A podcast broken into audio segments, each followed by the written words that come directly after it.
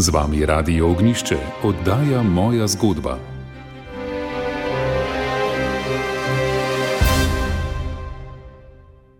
Dobro večer, drage poslušalke in dragi poslušalci, z vami je oddaja Moja zgodba. Današnji pričevalec je Stanislav Novačan, rojen v Moravčah.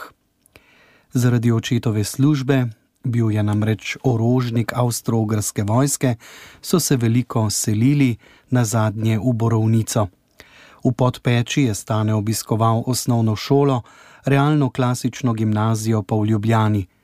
Po končanem šolanju se je upisal na učiteljišče in študij končal leta 1941. V tem času je živel v Marjanišču, kjer je bil ravnatelj dr. Jožef Pogačnik, kasnejši ljubljanski škof, ki se ga Stanislav Novačan spominja kot zahtevnega, a hkrati očetovsko ljubečega vzgojitelja. V spominu mu je ostala tudi podoba Aloizija Grozdeta, ki je prav tako živel v Marjanišču. Prvo službo je Stanislav opravljal v mirni peči. Ko je med vojno obiskal domače v Borovnici, so ga zajeli italijani in odpeljali v internacijo v Gonars. Lakota je bila v tistem času vzrok številnih smrti internirancev. Če nisi prejemal paketov hrane od doma, si imel le malo možnosti za preživetje. Prisluhnimo prvemu delu pričevanja Stanislava Novačana, ki je bilo posneto v Borovnici leta 2014. Smo pri gospodu Stanetu Novačanu v Borovnici, pa vas kar povabim, gospod Stane, da poveste vaše spomine. Mama je Borovničanka, Ata je Štajerc. Po prvi svetovni vojni je Ata prišel v Borovnico, tle sta se z mamo spoznala bil je vojak Avstralske vojske in uh, sta se vzela. Najprej se je rodila sestra Franska, 19 let, a ta je potem kot orožnik uh, bil premeščen vsake dve, tri leta, ig, izlake, moravče, tam sem bil rojen sam, zagorje, na zadnje v podpeč kjer je bil komandir orožniške postaje. Tam sem hodil v osnovno šolo, ne spominjam se prav natančno, ampak zelo dobro sem se imel. Vse tiste zgodbe, ki sem jih pol slišal, kako, morda je bilo različno, je bilo na šolah tudi ne vem, kakšna fizične kazni, tega se jaz v štirih letih nič ne spomnim. Bila je to eno razrednica, učitelj Šajn. On je imel vse razrede, od prvega do osmega, ampak višji razredi so bili ponovljena šola, prvi, drugi razred je bil skupaj, tretji, četrti skupaj, vse to je on učil. Od tod sem šel na, to je bilo zelo redek, kakšen prvo realno gimnazijo v Ljubljano. Tisto prvo leto je bilo strašno za mene, za moje spomine. Več kot dva km do železniške postaje, makadam, blato, sneg, 10-11 let star, prva gimnazija, realka. Otroci znajo biti tudi kruti, to sem tudi pol v službi, pogoruntov, krkmal. In petih smo vstajali, ob treh, štirih sem prišel domov, na zadnjem izpit iz francoščine. Strašno je bilo za mene, morda malo preveč to podarjam. Vem pa, da uh, sem se vozil 11 let star na Polijansko gimnazijo, mislim, tam so profesori, ki so bili brez službe, imeli te tečaje za jezike. In ker ni bilo poceni vožnje na železnici, sem se vozil po Makadamu s kolesom v Ljubljano. No, potem druga, tretja je šlo že nekoliko lažje, ampak uh, v tem se je zgodilo to, da so Ata, ki je bil komandir na Rožniški postaji Podpeč, predstavljeni nenadoma v Makedonijo, v Albanske gore. Tukaj je bila politika vmes, jaz ne vem, kašna, ampak bila je, ker drugače to ne mogoče. In potem je naša družina se skupaj na velik voz in smo šli na dom v Borovnico tam, kjer je mamina rojstna hiša in je še zdaj ta hiša samo prinarejena. To smo bili tri otroci, pa mama. Potem je Ata nekako se iz tistega zvil, neka bolezen, pa ne vem kaj, vse po cirka dveh letih, in so ga upokojili. Sveda ta pokojnina ga je tepla skozi, ker je bila nizka. V Borovnici sem bil, ko sem prišel, ko sem bil 13 let star. Je bilo pa za mene mnogo lažje. Železniška postaja tukaj je bila gor nad, na, na Griču, zdaj je spodaj v dolin. To je bilo pa veliko olajšanje. Upisal sem se pol v prvi letnik uh, učiteljišča. Takrat nas je bilo na učiteljišču vsega prvi letnik 30, drugi letnik 30, tretji pa četrt neč, petletnik cirka 20 ker enostavno v Mariboru ne v Ljubljani niso sprejemali dijakov, ker ni imela dravska banovina. Denarja učiteljev je pa manjkalo. No, ampak eh, na učiteljišču, šol se spominjam, zelo lepimi spomini.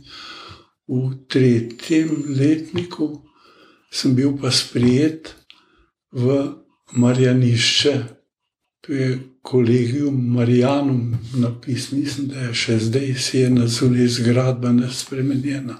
Jaz sem se tam počutil božansko. Bilo nas je okrog sto dijakov realne gimnazije, klasične gimnazije, potem pa še dva sva z učiteljišča v tretjem letniku bila. Seveda, tam je bilo ogromno časa na razpolago za študij in Spomnim si, da nas je bilo v štirih sobah, prva, druga gimnazija, tretja, četrta, peta, šesta, sedma, osma. Imeli so nas prefekti, v sobah smo vsi eh, študirali, vsak svoje, šel si lahko kamor se hotel, samo motiti nisi smel. Prefekt je študiral svoje, po, zvečer po noč smo imeli pa spalnico spet za crka 25 skupno. In to so bile take v Marjanišču, štiri velike spalnice, štiri velike učilnice, ampak bil pa je nek eh, prijeten red. Direktor je bil dr. Pogačnik, kasnejši načkov. Strašno spoštovanje smo imeli do njega. Jaz morda sem bil v vseh treh letih dvakrat, trikrat v njegovi sobi. Ne vem, kaj je bilo, kaj posebnega, nikoli ne. Ne spomnim se pa ene kazni, ki bi jo kdo izrekel eh, v vseh treh letih. Ti prefekti, kot vem, vem, dva, tri so bili semeniščniki, en je bil Janko Modr, ta kasnejši prevajalec da bi kakšne prisile ali pa kakšne kazni uvajali. Je zakaj to povem? Ker mislim, da je po vojni šla neka knjiga o Marjanišu, ki je zelo grdo pisala o tem. Sveda, vsi mi smo bili tih, vedeli smo pa neko drugo resnico. Ne? To so stvari, ki se jih je pa človek že potem dobro zapomnil. Petletnik smo pa končali na mesto 41. maja, te je bilo tik pred vojno januarja smo mi maturo polagali. Zakaj nam ni noben povedal? Verjetno pa je bil eden od razlogov, niti ne toliko vojna, ampak silno pomankanje učiteljev, ker jih niso sprijemali. Uh, mene so v cel uh, razred predstavili po Dravski banovini. Doktor Natlačen je bil šef Dravske banovine. 42. mislim, da so ga na domu nasprot Poljanske gimnazije, nek lemenator je preoblečen v strelu, ampak to je bil v redu, pošten človek. Jaz se ga ne spomnim drugače, ampak vem, da je v redu se živelo. In uh, zanimivo pa to, da je v Marjanišču živel sin Marko, dom je pa neposredno zraven in to meni zaradi tega, da se navadi dela. Tako sem slišal. Drugač pa je, je bil z mano v učilnici. Bil je tam tudi takrat moj brat, šest let mlajši, v prvo gimnazijo, klasič, klasično je bil hodil. Pa bil je tudi, ampak jaz drugačno poznam grozde. Ta je mogel biti hoditi, ko sem jaz hodil v tretjletnik, v kakšno četrto, peto, klasično gimnazijo. In tako meni je padel v oči, ker je mu tako čisto bele lase, pa navaden, prijeten, eden od uh, Marjanišnikov, nič posebnega. Ne. Ko smo končali, nas razmetali po Dravski banovini, mene v mirno peč. Pri novem mestu, mirna peč, je imela staro, staro šolo, zraven uh, je bila župnija, stanovanje. Ne. Mislim, da je bila slojena zgradba, kar dolga, ampak ne bom garantiral. Vem, da je bila tam krušna peč noter in ko so prišli po zimi, otroci so to vse primočene. Peč je bila ovešena s temi mokrimi oblačili, jaz sem učil tretji A, bil je še tretji B. Kaj posebnega o mirni peči, razen to, da je bila to stara, razbita šola, neke oske, zavite hodnike, so vodili gor v učilnice, eh, se niti ne spomnim. Potem seveda so prišli italijani, jedel sem pa pri Rupenovih. Tja sta, ko so italijani prišli, aprila, prebežali iz Štajerskega, dve učiteljice, mičken starejši kot jaz. In tam tej, to je bila gostilna, je bila na mama njuna, strašno imenitna ženska. Meni je, poki se je vojna začela, hrane dajala, tako da nisem bil lačen. Pri kosilu pač še dale več, še dale več, kot sem hotel. Spomnim pa se, ker so bile strašno ostre debate, ti dve sestri, ki nista nič skrivali, da nagibata. Takrat se je že slišal, dol se je slišal, OF, pa še en, tudi mojih let, gimnazic je bil. In ti trije, pa še jaz zraven štiri, smo dosti se pogovarjali o tem. Zora ima lepo, veliko šolo, ime v novem mestu. Ime. Mara Rupen je bila pa visok funkcionar v Partizanih.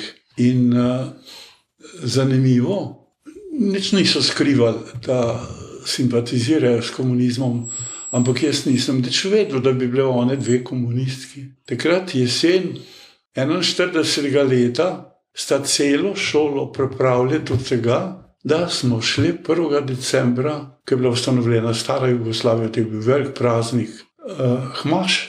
Tega danes, ko kasneje se ni dal nič, misli, da je to mogoče. Ne? Ona pa, oziroma oni dve, še dalje s tem eno knjigo, Sperans, razvoj slovenskega narodnega vprašanja, kar del je pod tem imenom. Tisto knjigo sem imel dolgo, pa ne vem, je nisem vrnil, ker je vse skupaj se tako čudno zavrtel.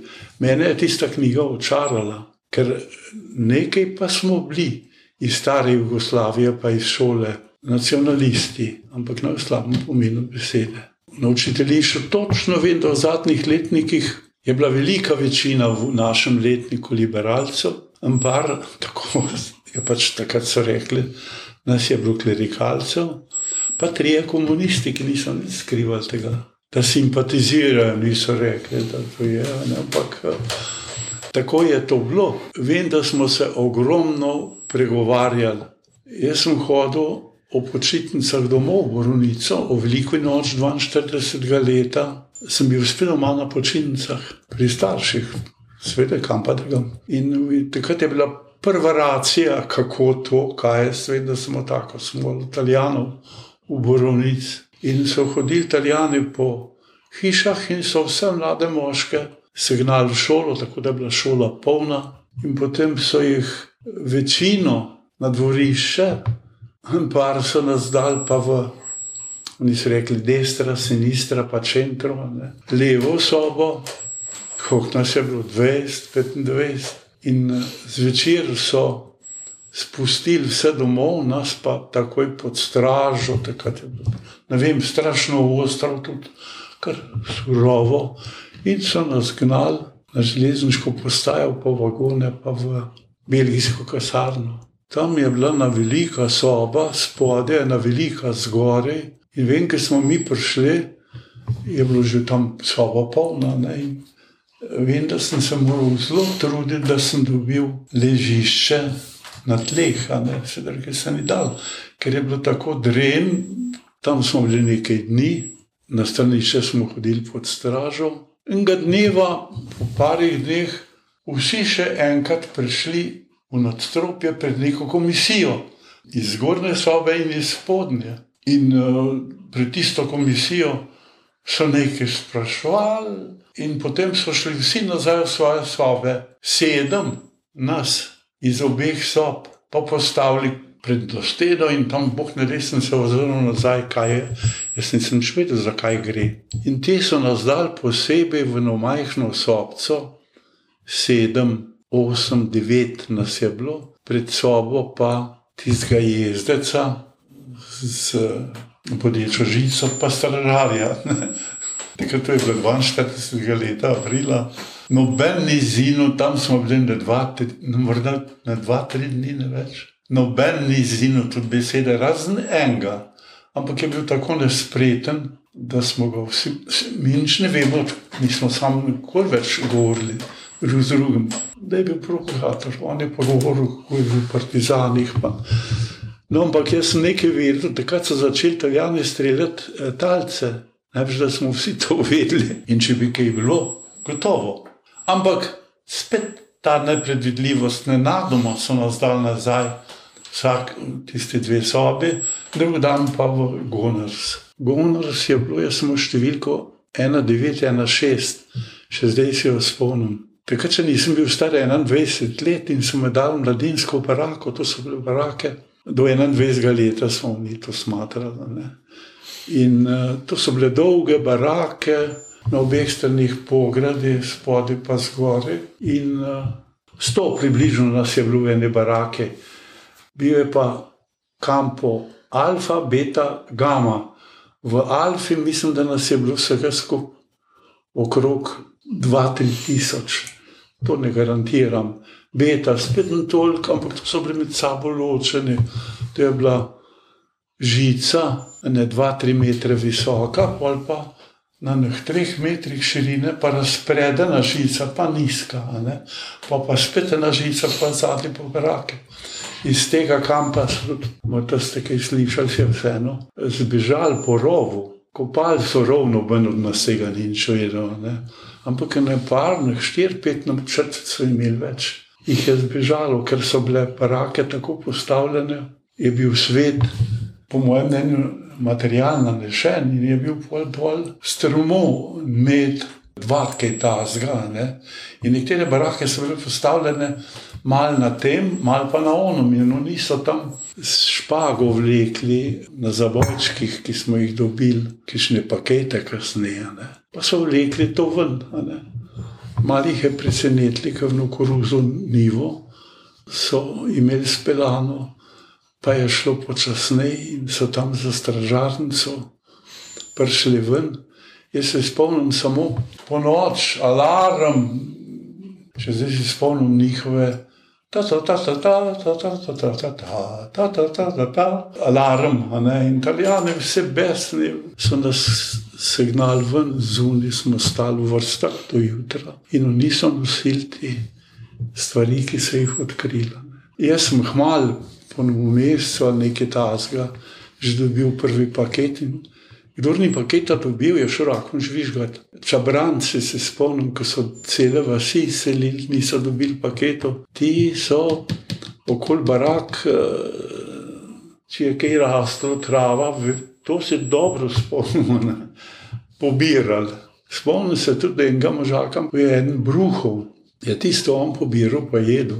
Tako da delali pa nismo nič, ampak stradanje, to je bila ena zajemalka, naši kuharji so kuhali. Za sto ljudi je bil en kvoto, oni so to prinesli. In če si dobil zemalko spode, je bilo v redu. Če si bil dobil na vrh, pa je bilo tam par makaronov, pa neka zelenjava. Ne. Pri nas je bil uh, nekako za zvezo, s Italijani, kapo, ampak uh, teh kapov nimam jaz ni slabo spominjal. Ti so dobili samo gostejšo zajemalko, ena je bila ne, v to gavetko, ne žuzga, niso imeli nobenih prednosti, niti niso, znam, niso mogli, da bi kaj z nami gradili. Tako da to je razlika bila. Jaz ne vem, poslušam, kaj je bilo v Nemčiji. Kdor ni dobil paketa, bil se spomnim, še en je bil tam. Ta ni dobil paketa in je nekje eno spodglavje, smo imeli, če smo kaj dobili. Ne. Nekaj zmknil. Na sred barake je bila na velika miza, na mizo so ga dali in smo jih našteli krepko, s palco, nobenega usmiljena ni bilo. Ne. To je bil spodnji, mi smo se zelo čistili, uši so bile, ampak smo jih odpravili. Pol smo bili predstavljeni v Moniku televizijo, Pol pa nas pomlad, pa 43 let, pa spet nazaj v stare oficirske barake iz Prve svetovne vojne, te so bile pa boljše, ampak so imele dvojno steno, mi pa nismo vedeli, da tistim stenom pa stenice. In teh se pa ni dalo uničiti. Ni se jih dalo uničiti in to se bil v zateku, pa so bile to manjše sobce.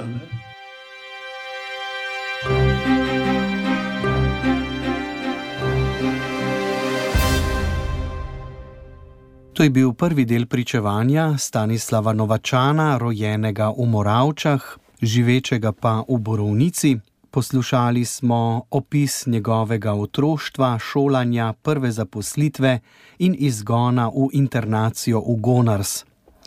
No, po kapitulaciji Italije leta 1943 so Stanislava izpustili. Ni se priključil nobeni strani, ne partizanom, ne domobrancem, in je bil tako označen z oznako OR, kar je pomenilo oprezna rit. Javil se je na železnico, zato so ga poslali na jesenice, ki so bile pod nemško okupacijo. Tam je v taborišču opravljal različna dela. Augusta 1944 so angliški bombniki napadli Borovnico, žrtev napada je bila tudi Stanislavova sestra. Leta 1945 je bil Stanislav Novačan nastavljen na šolo v Borovnici, kjer se je dobro počutil. Pripravljal se je na strokovni izpit, ki ga je upravil z odliko v začetku leta 1946, spregovoril pa bo tudi o revolucionarnem nasilju v Borovnici leta 1942. Prisluhnimo. Ko je fašizem padel, so Italijane začeli masovno odpuščati iz lagerja. Je bil še Emanuel, ampak fašizem padel in z enim teh vlakov sem prišel jaz tudi domov. Doma je bila sestra, pa stara mama. In vem, da sem prišel domov, ko so partizani napadli Sabočev in je Sabočev gorelo. To je bilo tam kot ne vem, kašne brigade resnici pa so napadli neko postojanko, bilo gardistov, vem, katera hiša, stara, debeli zidovi. Ti ljudje so samo kaj prišli po noč spat, drugače pa doma delali, nobene uniforme, nič nisem imel. Pa so tam to proglašali kot ne vem, kakšne brigade so to napadli. Tam je bilo pa ne vem, koliko jih je bilo, 20-30, so se obranili, zvečer so pa pri Ivanu je bila pa močnejša, da je bila gardistična postojanka, so se pa kaj umaknila. 43. sem jaz prišel z internacije, pa sem bil doma, sestra Franska, stara mama, so bili doma. Jaz nisem hotel iti na nobeno stran. Vem, da so nam takrat rekli o R, o preznariti. Pa sem dobrega prijatelja imel, takrat je bila že domobranska postojanka pod našo hišo tam, kjer je zdaj telovadno društvo. In tam je bil udarni rupnikov bataljon, elitna vojska. Jaz to moram reči, da sem spominu imam to, to so se obnašali kot prava vojska. Tam je tudi moj dober prijatelj v pisarni in večkrat so se dobila. Je rekel, ja pa kako, kaj zdaj? Jaz sem rekel, Slavček, mu je bilo ime. Ja, dragi moj, to, da z Nemci na nek način je sodelovanje, to se, ja, je rekel, se tega nič ne porekam. Ampak kaj je hujšna varnost, takrat smo že vsi vedeli, da bodo uh, Nemci vojno izgubili. Ampak sem pa pogovarjal se večkrat, tukaj je bila na poštarca Lenčka, za celo občino je peš, tako pohlevna, odlična ženska, tam le gore ima hišo. Je imela sina, ki pa je bil učitelj v Beli krajini, pa je približal sem gor. Pa sina je mu dva ali tri. In z enim od teh sinov so bila pa kar dobra prijatelja. Pa z očetom sem tudi nekajkrat govoril. Ti so pa bili nagibali na partizansko stran. Ampak je bil odgovor odkrit, že že partizanska stran, samo kdo pa za tem stoji.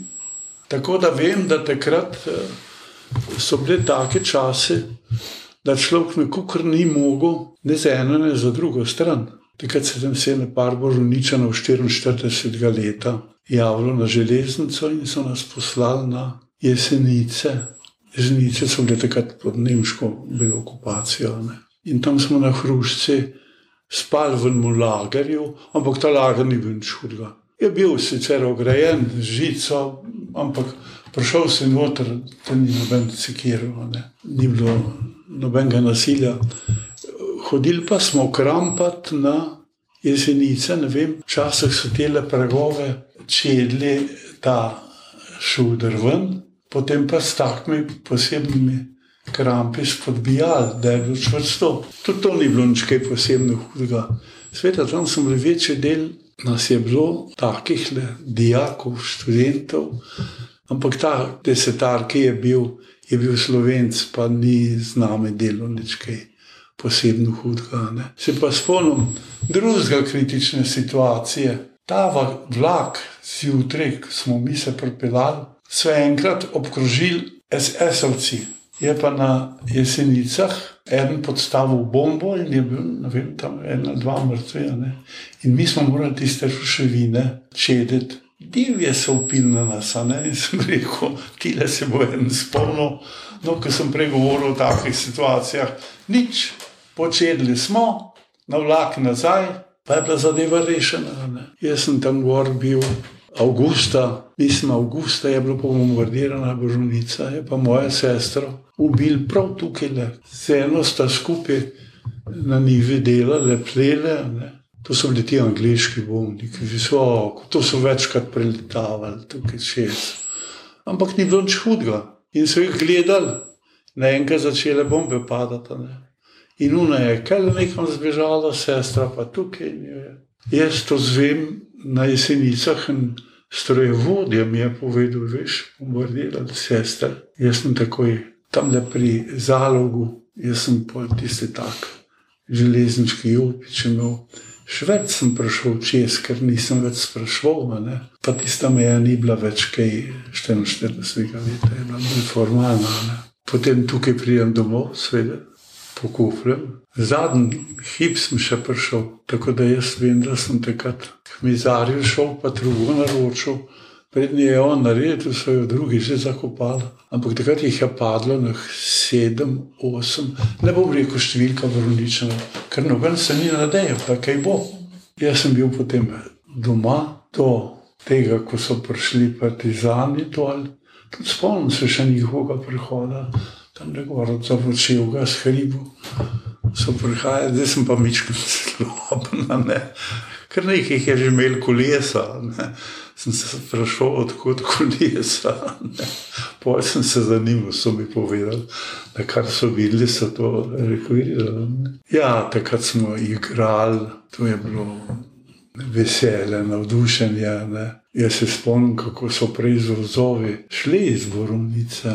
In to tisti, ki so imeli sinove, može, pri domobrancih. No, in uh, to je potem minilo. In tisto vzdušje je bilo tako, vedeli smo, da je hudo, ker če so ljudje češli, ni bilo to, kar pa vedeli smo, kakšno je bilo smrtno sovraštvo. med enimi in med drugimi. In pa smo tisto poletje, pa jesen, vem, da smo dosti igrali, kulturni klub, tam smo dosti igrali. Jaz sem bil, to je bilo 45 let, nastavljen na šolo v Borunico in sem tukaj učil. Mislim, da je bila, nisem siguren, spominjam, imamo na odlično upraviteljico, strogo, zahtevno, ampak nič kaj posebnega. Dobro smo se razumeli na šoli. Jaz nisem imel strokovnega izpita, ker takrat je bilo treba delati praktični strokovni izpit po najprej dveh letih.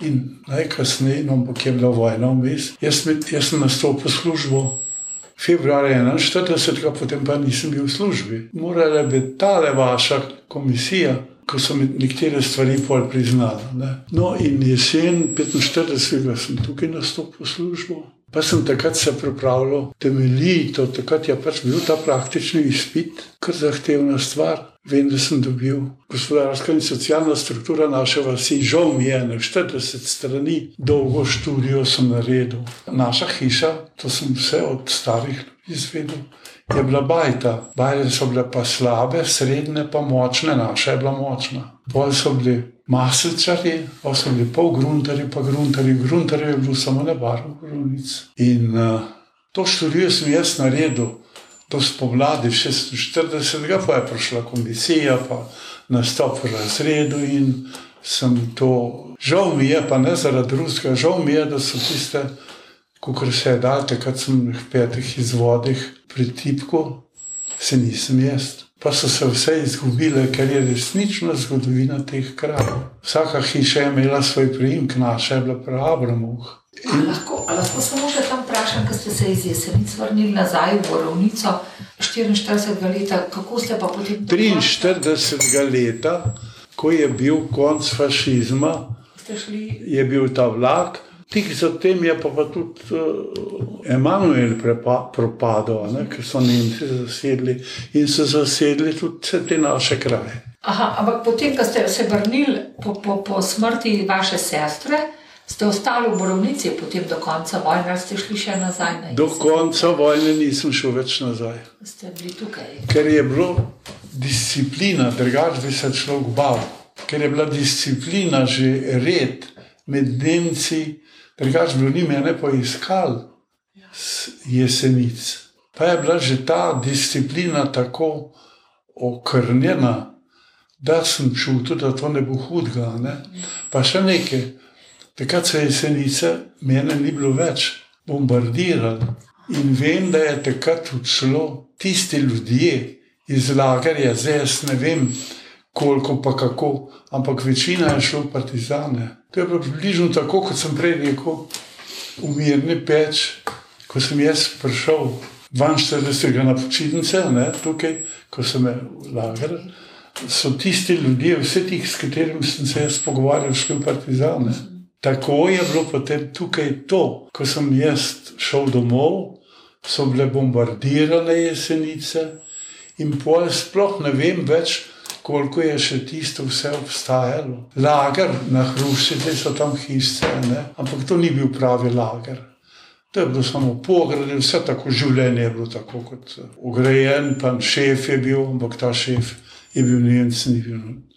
Neč, če si ti prišel, ni delo, če smo kam šli, ni noben več hotel tega. Ne.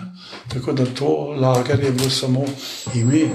Ko sem prišel domov, tukaj, doma, in sem potem, kolikor se je dal, mi smo se vsi, ne samo naša družina, ne samo jaz, pa stara mama, ampak uh, izselili na tele vsi okrog.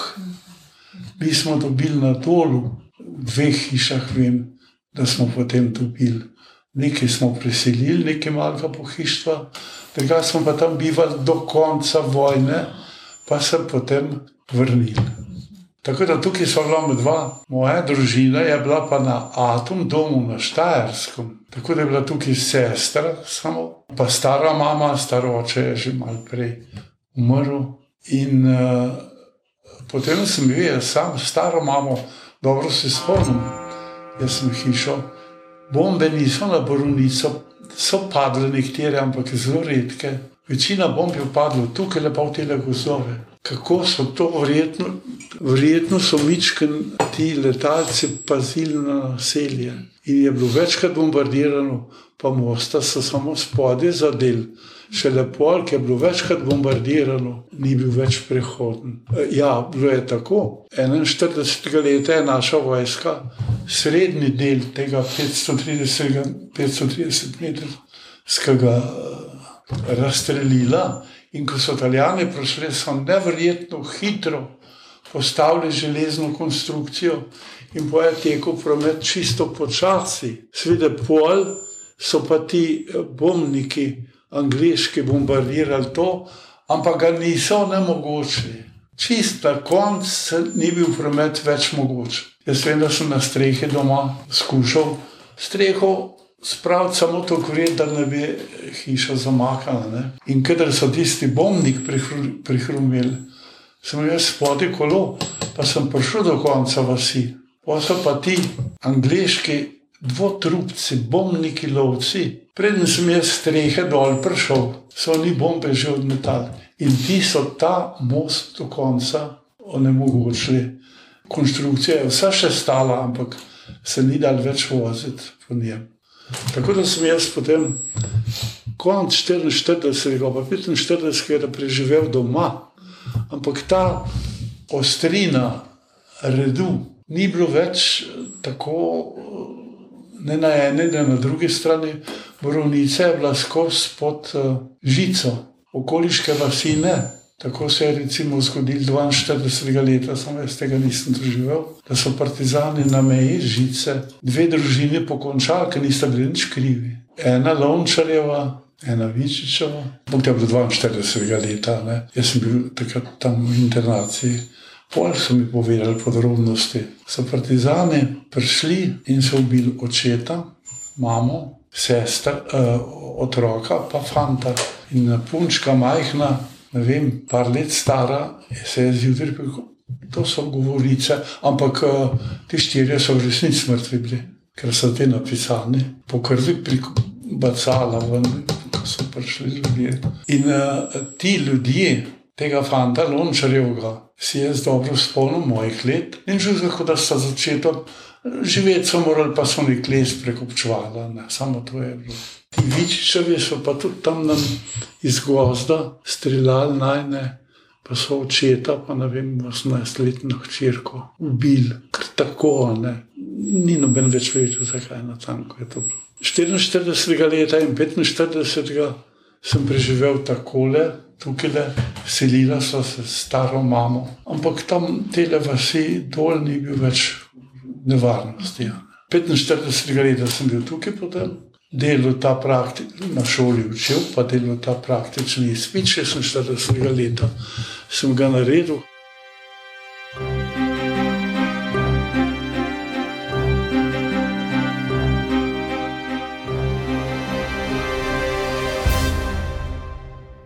Slišali smo drugi del pričevanja Stanislava Novačana iz Borovnice. To je bila prva od štirih oddaj, v katerih bo spregovoril njegovo življenjsko pot, bomo spremljali od otroških in mladostnih dni do študentskih let, pa do časa internacije v Gonarsu in potem, ko se je po koncu vojne zaposlil kot učitelj, so ga poslali v najbolj zahodno slovensko vas Robidišče. Tam se je zauzel za kulturno poživitev življenja na vasi, dokler nista na njegova vrata potrkala dva udbovca stolmina in ga odpeljala v zapor. In ker z udbo ni želel sodelovati, je bil kazensko premeščen v borovnico. Tako tudi konec druge svetovne vojne Stanislavu ni prinesel miru in svobode, Njegovo pričevanje so posneli v letu 2014, za oddajo sta ga pripravili sodelavki študijskega centra za narodno spravo Marta Keršič in Mirjam Dujo Jurjevčič. Oddajo sem uredil Jože Bartol, tehnična izvedba Boštjan Smole. Naj vas povabim k poslušanju tudi prihodnji teden, ko bomo nadaljevali s pričevanjem Stanislava Novačana in sicer bomo takrat prisluhnili kako je svojo službeno pot po vojni nadaljeval v najbolj zahodni slovenski vasi Robidišče, vmes je bil na služenju vojaškega roka na Brionih in kasneje na Malem Lošinju. Vabljeni k poslušanju, seveda pa naj vas opozorim, da so vse oddaje moja zgodba na voljo tudi v našem audio arhivu. Oddaja moja zgodba pa ima tudi svojo spletno stran, ki jo lahko najdete pod naslovom oddaje.ognisce.si poševnica moja zgodba poševnica. Tam lahko o vsakem pričevanju izveste tudi nekaj več in si ogledate tudi priložene fotografije in dokumente. Toliko za nocoj, lahko noč.